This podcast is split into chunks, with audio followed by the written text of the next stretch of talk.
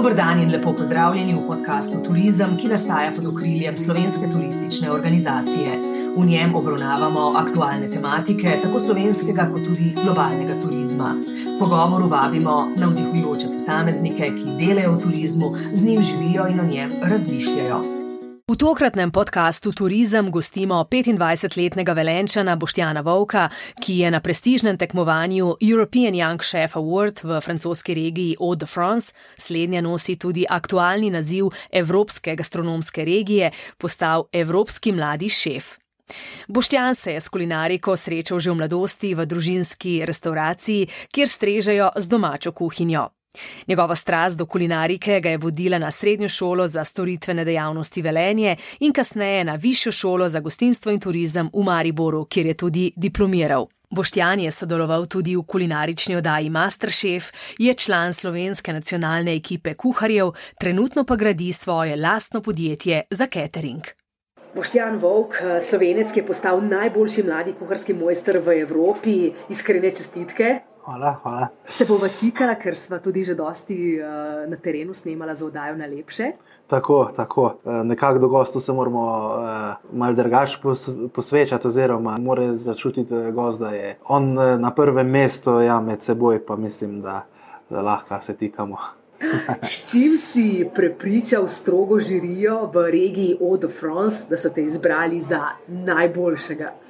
Konkurenca je bila namreč huda. Ja, zelo, zelo pestra je bila. Uh, skandinavci so bili zelo močni, po mojem mnenju. Za celostno zgodbo smo jih prepričali, ni bila samo jed tista ta glavna, ko bi rekel, da je bila zvezda. Tudi vse so dogajanja okrog jedi, od tega, da smo imeli svoje kozarce, da smo imeli slovensko vodo, slovenski sok eh, kot spremljavo do tega, da smo imeli tudi slovensko podjetje z lesenimi stvarmi, se pravi od ure eh, metulče, ko se je bilo slovensko. Nekje mesec pa pol smo se pripravljali res intenzivno na to. Tudi hvala vsem sponzorjem, ker je bilo res tole, pa nepričakovano, res dober odziv. 35 lokalnih podjetij je bilo povezanih v ta projekt. Kako ste povezali tako. lokalno okolje? Jaz mislim, da smo zelo dobri, ne samo lokalno, tudi mogoče še malo širše, ampak ta lokalna skupnost pa je res dala tako močno podporo, da prav uživam v tem. Kakšna je bila vsebina krožnika, kakšna je zgodba krožnika? Tekmovanje je potekalo v dveh dneh. Prvi dan eh, v tradicionalni jedi, tukaj smo nekako premišljali, kaj je res slovensko, kaj je lokalno, s čim se res lahko najbolj predstavimo kot Slovenijo. In nekako sem medenjak z jedrcem oreha in pa z prežganim mlekom. To so nam pripravljale babice včasih, ko smo bili recimo bolani ali pa v kakšnem zimskem času, da nas je malo pogrelo. To je tudi zgodba tvojega otroštva. Tako, tako. Plus tega smo še tukaj povezali spet nekaj lokalnih podjetij, da smo tudi pri prezentaciji bili čim bolj domačni. Emotov lonček lahko recimo izpostavim. Uh, vsi slovenci vemo, kaj pomeni ta lonček za Slovenca. Vsi smo odraščali. Ja, jaz mislim, da, vsaj, da je vsak Slovenca enkrat pil iz tega lončka. Potem pa je bil sledi drugi dan tekmovanja, ko pa smo nekako mogli to jed nadgraditi. Pol leta smo opilili to recepturo. Vse sestavine, ki so v medenjaku, smo jih povezali tudi v moderno jed. V moderni jedi pa smo dodali še hruško. In uh, ko je sodnik na koncu pre prezentacije vprašal, če je res ta sladica sam iz treh glavnih komponent oziroma sestavin, sem rekel, da ja, in takrat pa mislim, da so dol padli. Ne. Potem pa sem uh, po končani predstavitvi uh, zalil uh, deske ko sem jih naredil sam iz orehovega lesa z medeno tekočino, poimenoval sem jo medeni napoj. V tej tekočini se je skrivalo ogromno čebeljih proizvodov, od matičnega mlečka, propolisa, medu. Ko sem leseno desko prelil za to tekočino, spodaj je bil um, suhi led, minus 80 stopinj, in uh, ta dim je imel von po medenih izdelkih, po čebelah, po panju. Uh, tu smo bili kar res uh, zelo izverni. Potem, po samemu koncu, ko so tudi pojedli, uh, sem predstavil še API Mix. Na lesenih orehovih žlicah, doma narejenih. Apimix je e, združek štirih e, sestavin: matičnega mlečka, propolisa, medu, pa cvetnega prahu. lahko bi rekel, tudi naravni antibiotik. Ja. Uh, kako se ti je spremenilo življenje po tem tekmovanju? Ogromno posla si dobil, ne? zelo si zaseden zadnje dni. Tako, že pred tekmovanjem je bilo zelo malo spanja, malo je bilo stresa, malo je bilo uh, priprav, uh, vsa pot, uh, vsa organizacija je bila res kar močna. Recimo, vse ostale reprezentance oziroma uh, države so prišle na tekmovanje z letalom. Malo so pojamrali, da kakšne sestavine niso več v dobrem stanju, ker pa sem jih zaradi tega hotel iti z osebnim avtomobilom da so vse sestavine sveže, tudi transport smo imeli urejen, da je vse hladilo, ker smo nekako 18 ur bili na poti. Pa zdaj si tudi v neki posebni kulinarični formi. Ne? Če si prej um, na dan pripravil 10 sladic, moraš zdaj čez noč, naprimer 80. Tako, ja, to je ena spet taka posebna stvar. Nekje eh, pet modelčkov imam za sladoled, to je ena. Taka smešna zgodba za mene. Če bi šel zdaj te modelčke naročiti, vsaj 14 dni jih ne bi bilo, in zato moram vsak dan, nekje na tri ure, imam to, ta ritual, da ulivam sladoled, zato da lahko čim več ljudem pokažem to sladico. Poštjan Vog, velenčan iz Prešivca, eh, doma imate gostilno. Eh, že od malih nog eh, si rasel z gostinskim poslom, gostilniški otrok si, pa vendarle razmišljaš v smer, da ne boš prevzel domače gostilne. Zakaj? Um, Nekako mi je zelo pomembno, da sem prisoten na večjih eh, lokacijah, da se ne ostalim sam na eni lokaciji. Zato si tudi zdaj preurejam potujočo kuhinjo, da bom lahko res od Prlekije prek Murja pa vse do Kopra prisoten, lahko da tudi širše. Če bo želja. Bolj si se usmeril, eh, da boš razvil lastno podjetje za catering. Kako daleč si v zvezi s tem, sploh po prijemu tega naziva. Tako, glih to tekmovanje mi je dalo še dodaten zagon. Včeraj sem imel glih recimo sladico za 80 oseb v Velenju, v lokalnem okolju, tudi e, ti so me zelo podpirali in nekako moram zdaj vračati to vsem ostalim, se mi zdi, da je to moje poslanstvo. Eh, Boštjan, kako razmišljaš sicer o razvoju gostinstva v Sloveniji? Tu si kritičen ne, na tem področju. Pa mislim, da nisem kritičen, sem bolj realen. Kaj konkretno te moti pri gostinstvu v Sloveniji? Kaj bi spremenil? Tako smo se malo pogovarjali, mladi šefi, tudi starejši šefi, da mogoče zginjajo te gostilne, ko res greš tja, da se naješ za avtentično domačo kuhinjo z nepretencioznimi cenami. Tako, v celi Sloveniji, pa tudi širše, morajo obstajati vse vrste gostiln, restauracij, od Mišelin do preproste kmečke hrane. Nekdo, ko ima plačo vem, 800 evrov, težko bo šel v neko restauracijo, ko bo zapravil 500 evrov za par. Mislim, da vsak pa mora vsaj enkrat v življenju nekaj takega proba, da vidi, kaj vse obstaja kaj sploh storiti na terenu, zato da bomo ohranili in obranili ta srednji rang gostilen, ki zadnja leta pospešeno izginja.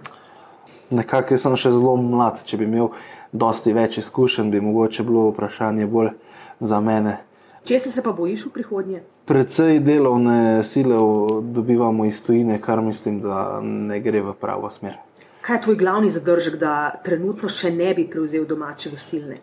Nekako se bojimo odpreti nekaj večjega, oziroma restauracije na takšnem nivoju, ker verjetno tudi lokalno okolje ne bi dobro sprejelo tako visoke kulinarike. Ja. Pred letom se je zaprla ena zelo na hitro odprta restauracija, ljudje niso dobro sprejeli in mislim, da je bila zgodba zelo kratka, dva meseca. Vse restauracije morajo obstajati, od Dunajskega pa Pofrija. Pa do neke, nekega standarda, Anne Roš in ostalih Mišelinovih zvezdic.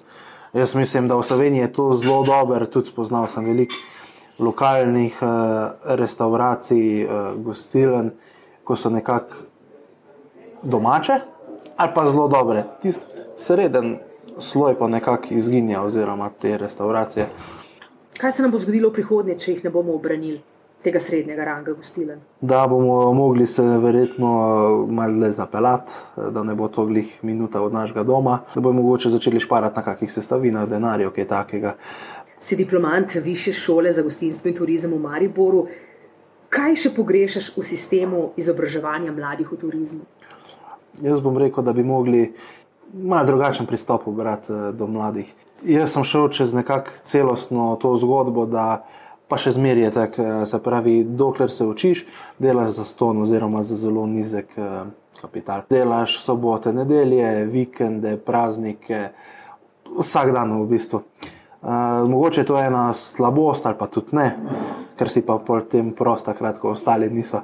Nekako, kaj bi spremenil? Spremenil bi to, da, da bi začeli tudi profesori oziroma učitelji vsakega prepoznati, kaj je njegova želja. Uh, pridejo učenci v, v srednje šole, jih učijo strežbo, jih učijo kuharstvo, pa se tam nekako kar konča. Če so zdaj kakšne posebne šole, pa da res se trudijo. Uh, vzpostavljajo stike na različnih tekmovanjih. Uh, za mene je gostinstvo tudi čistilni servis, za mene je dobava gostinstvo, peki. Če nekdo mogoče ne zna najbolj kuhati, to ne pomeni, da ne zna narediti perfektnega kruha. Lahko je receptor, lahko mu grejo zelo dobri jeziki, lahko je tudi v marketingu. Vsak se mora nekje najti. In to je meni zelo pomembna stvar, da bi začeli ljudje nekako. Uh, Bolj celostno gledati na to. Tako, posel, ne? tako, ne da je to samo kuhna, pa strežba in se tam konča. Vprašanje za milijon dolarjev. Kako pri nas zadržati najboljše kadre? Nekako eh, vsi vemo, da gostinstvo ja, pač so ti delovni dnevi, kot so. Mogoče kakšna plača, ampak eh, predvsem tudi jaz osebno bi recimo, imel raje malo nižjo plačo, pa da imam zelo dobre pogoje dela, da se da vse zmeniti, tudi če recimo, da imaš kaj v privatnem življenju za urediti, pa da to vsi razumejo, ne pa da si nekako primoran delati tudi po 250 ur včasih. Sam imam rekord, bi lahko se tukaj pohvalil, ja, da 625 ur sem imel v 41 delovnih dneh za povrstjo. In uh, meni je bil to problem, ker sem vedel, v kaj se spuščam. Zraven sem imel zelo dobrega prijatelja in nekako smo cel hotel vodili. Pač, uh, vsak se mora zavedati, kaj želi. Kaj mu lahko nekdo ponudi, in pol se vsak odloči za svojo službo. To je res posel, ker daš celega, celega sebe in še več. Ja, ja, jaz mislim, da, da je to ena tako zelo pomembna stvar, da, da veš, da tudi ko boš prišel domov, še zmeraj študiraš, kaj boš pa jutri naredil s tistim mesom, kaj bo pa treba vem, narediti zelenjavo, da ne bo prišla v stran, da, da čim manj eh, ostanka naredimo. Ne. Tukaj, ko sem bil na različnih praksah, sem marsikaj videl, se naučil en zelo dober pregovor. Oziroma, Rek sem dobil od enega priznanega šefa, tudi v najslabši restavraciji na svetu se lahko naučiš. Če druga ne, kaj ne smeš delati. In nekako tega se držim. Kaj ti ceniš pri delodajalcu? Da smo vsi med seboj odkriti, da se znamo pozabavati, da takrat, ko je resno delo, se dela resno, takrat, ko pa nekako se lahko malo sprostimo, pa se tudi sprostimo. Kako na višji nivo spravi tudi poklic natakarja? Uh, mislim, da natakar ne bi smel biti. Uh, Sploh kaj manj vreden kot pa šef, kot kuhar, kot receptor, tudi na koncu koncev sobarica. Če gremo v hotel, vidimo, da nekaj ni urejeno, nas bo to zmotilo. Jaz mislim, da vsak poklic mora biti pomemben. Ali je to kuhar, ali je to natakar. Ja, natakar eh, bi si lahko ugled mogoče še dvignil s tem, da, da bi znali ljudi malo bolj poučiti, da se ne tleska z ljudmi, da se jih ne kličemo halo. Pa, Pa take stvari. Da tudi napitnina zna biti en tak del ko nekoga zna zelo dobro podpreti, oziroma se odloči, da v tej stvari res ustraja. Kakšno vlogo bo imela umetna inteligenca v gostinstvu? Ja, mislim, da jo že kar eh, lahko zaznamo več, kje je, eh, sploh s temi roboti, ki dostavljajo hrano. Je nek napredek, verjetno bo še kaj skozi leta prišlo eh, na ta trg. Bil sem tudi sam na sejmih različnih in tam opazil, kakšne robote Eh, in uh, mislim, da ni nič narobe za tem. Večjo vlogo pa umetna inteligenca imela v hotelskem sektorju, močnejšo kot v gostinskem, kjer je človeški faktor vendarle še vedno. Na prvem mestu in v spredju. Ja, jaz tudi mislim, da vsi vemo, da gre ljubezen skozi želodec. Robot ne bo znal uh, preceniti, koliko soli rabi nekaj jed, koliko sladkorja rabi nekaj jed. Mislim, da tukaj bo mogel še zmeraj biti nekdo. Ja, mislim, da je prav, da si olajšamo delo, ne pa da ga čisto zamenjamo. No. To je moje mišljenje. Kakšno je tvoje sporočilo mladim ali pa njihovim staršem pri tem, ali vstopiti na pot uh, uh, karijere v gostinstvu? Ja, jaz mislim, da vsak, ko ima željo, naj v to vstopi.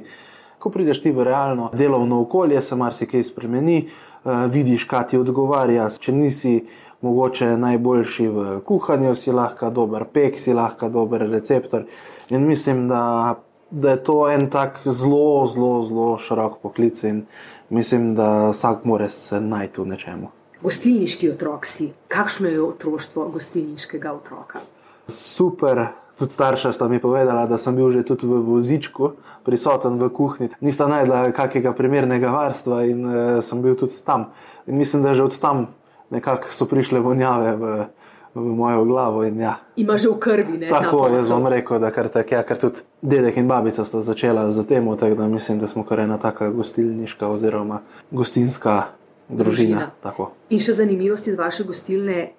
Od odprtja gostilne pa do danes imate še vedno iste lonce. Ja, seveda, pač jih je treba eh, zmeri. In to so lonci slovenskega proizvajalca. Tako, nekje 80% imamo teh loncev, še zmeri, ampak ja, vsake tok časa se kak pokvari, pa je treba kakega novega. Dobiti v hišo. Sodeluješ tudi pri produkciji oddaje Masterchef Slovenija. Kakšna je tam tvoja vloga? Mm, to bom rekel, to je nekako moja pretekla zgodba. Nekako me vsi s tem povezujejo ampak to je bila prva polovica leta. Ampak to je zanimiva uh, vloga, bila, ne? Ja, vem. Kaj, vem. Se, dogajalo, kaj se je dogajalo v zakulisju? Ne smem izdati preveč, ker, ampak malo pa. Tako, ja. Uh, Da, moja naloga pri tem projektu je bila takšna, da vse sestavine, ki so prisotne na tekmovališču, oziroma v sami oddaji, smo probali dobiti čim bolj lokalno, sveže, se povezati z ribiči, z uh, mesnicami, da smo imeli res vse kar se je le dalo, sveže, pa da je bilo čim bolj lokalno. Moja zgodba tukaj je bila tudi taka, da smo preverjali različne recepture, veliko smo sodelovali z šefi oziroma z ocenjevalci, sodniki, natančneje, pletli eno res tako posebno vez sodelujemo še zdaj. Na, tudi na priprave na to tekmovanje me je spremljal Karim Merdjadi. On je bil tudi tvoj mentor, ne? Tako, tako. Nekako uh, ni rabo uh, mi povedati kakih posebnih receptur ali pa trikov, smo pa nekako to postavitev same sladice res dobro naštudirali, da je res paše na krožnik. Kako dolgo si se pripravljal na to tekmovanje? Nekako tisti čisto prvi. Uh, Začetki so bili leto nazaj, potem pa receptura nastajala nekaj pol leta, sledilo je slovensko predtekmovanje, tam smo se nekako pomerili tri fante in uh, mislim, da sem za to čebelo res presenetil tudi žirijo uh, in z vsemi ostalimi stvarmi zraven sledice. Poštjan Vok, kje te bomo videli čez pet let? Uh, jaz grem kar iz dneva v dan, ja, so želje za naprej. Želim biti prisoten po celi Sloveniji. Upajmo pa, da tudi v kakšni kuharski oddaji, ki sledi uh, čez kako leto ali pa dve. Poštjan Vok, hvala za tale pogovor in srečno ter uspešno tudi v prihodnje. Naj bo samo nebo tvoja meja. Hvala, hvala za povabilo. To je bil podcast Turizem, vabljeni k deljenju epizode in k poslušanju tudi prihodnjega podcasta. Pa srečno!